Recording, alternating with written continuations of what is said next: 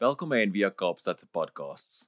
Vir meer inligting of my bydrae te maak, gaan gerus na enviakaapstad.org. Goeiemôre. Vandag is 'n um, offisieel Sint Franciscusdag en ek het gedink om net weer uh, ons teksgedeelte wat ons gister um, in ons erediens gebruik het um, met julle te deel. Uh vir hierdie ja, hierdie Oktober, hierdie lente wat offisieel um eintlik al in September maand weet nou al werk lente hierso. Um en hoekom hulle Oktober die mooiste mooiste maand noem. Ek lees vir ons eers uit die message vertaling van Romeine 8. This resurrection life he received from God is not a timid, grave tending life. It's adventurously expectant, greeting God with a childlike, What's next, Papa? God's Spirit touches our spirits and confirms who we really are. En dit laat my dink aan Sheila Cousins se woorde in haar gedig Christ of the Burnt Men en ek begryp nou jy het my geteken vir die avontuur van jou. The created world itself can hardly wait for what's coming next. Everything in creation is more or less held back. God reins it in until both creation and all the creatures are ready and can be released at the same moment into the glorious times ahead. Meanwhile, the joyful anticipation deepens. All around us, we observe a pregnant creation. The difficult times of pain throughout the world are simply birth pangs. But it's not only around us, it's within us. The Spirit of God is arousing us within. We are also feeling the birth pangs. These sterile and barren bodies of ours are yearning for full deliverance. That's why waiting does not diminish us. Wag maak nie van ons minder nie. Any more than waiting diminished a pregnant mother.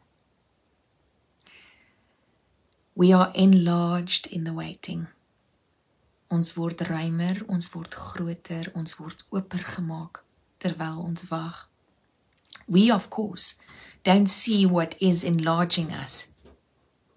But the longer we wait, the larger we become and the more joyful our expectancy.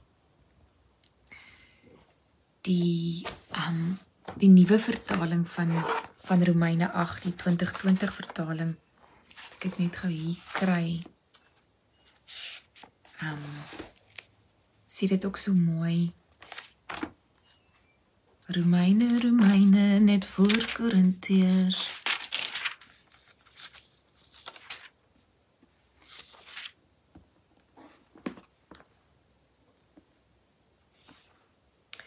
Ek is oortuig dat die lyding van die huidige tyd nie vergelyk kan word met die heerlikheid wat bestem is om aan ons geopenbaar te word nie.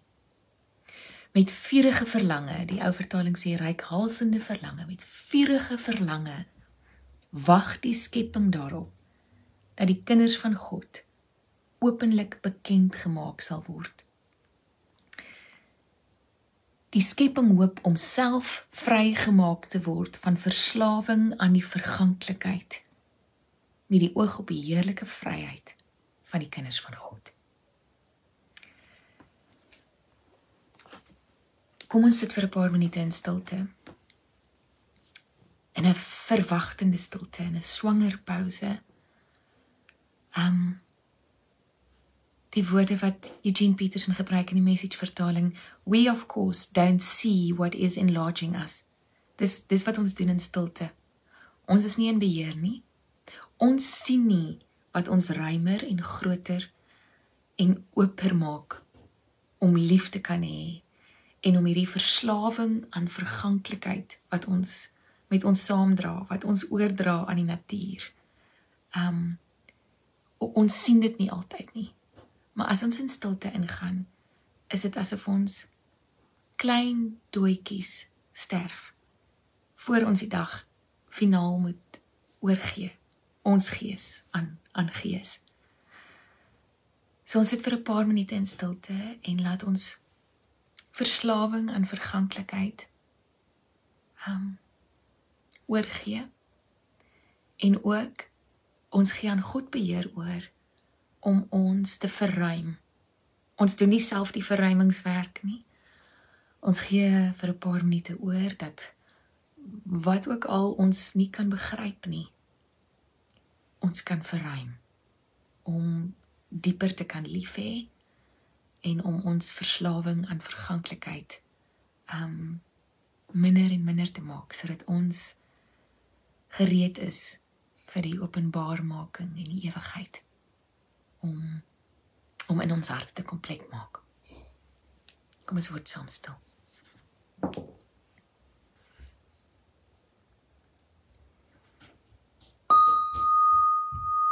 In naam van die Vader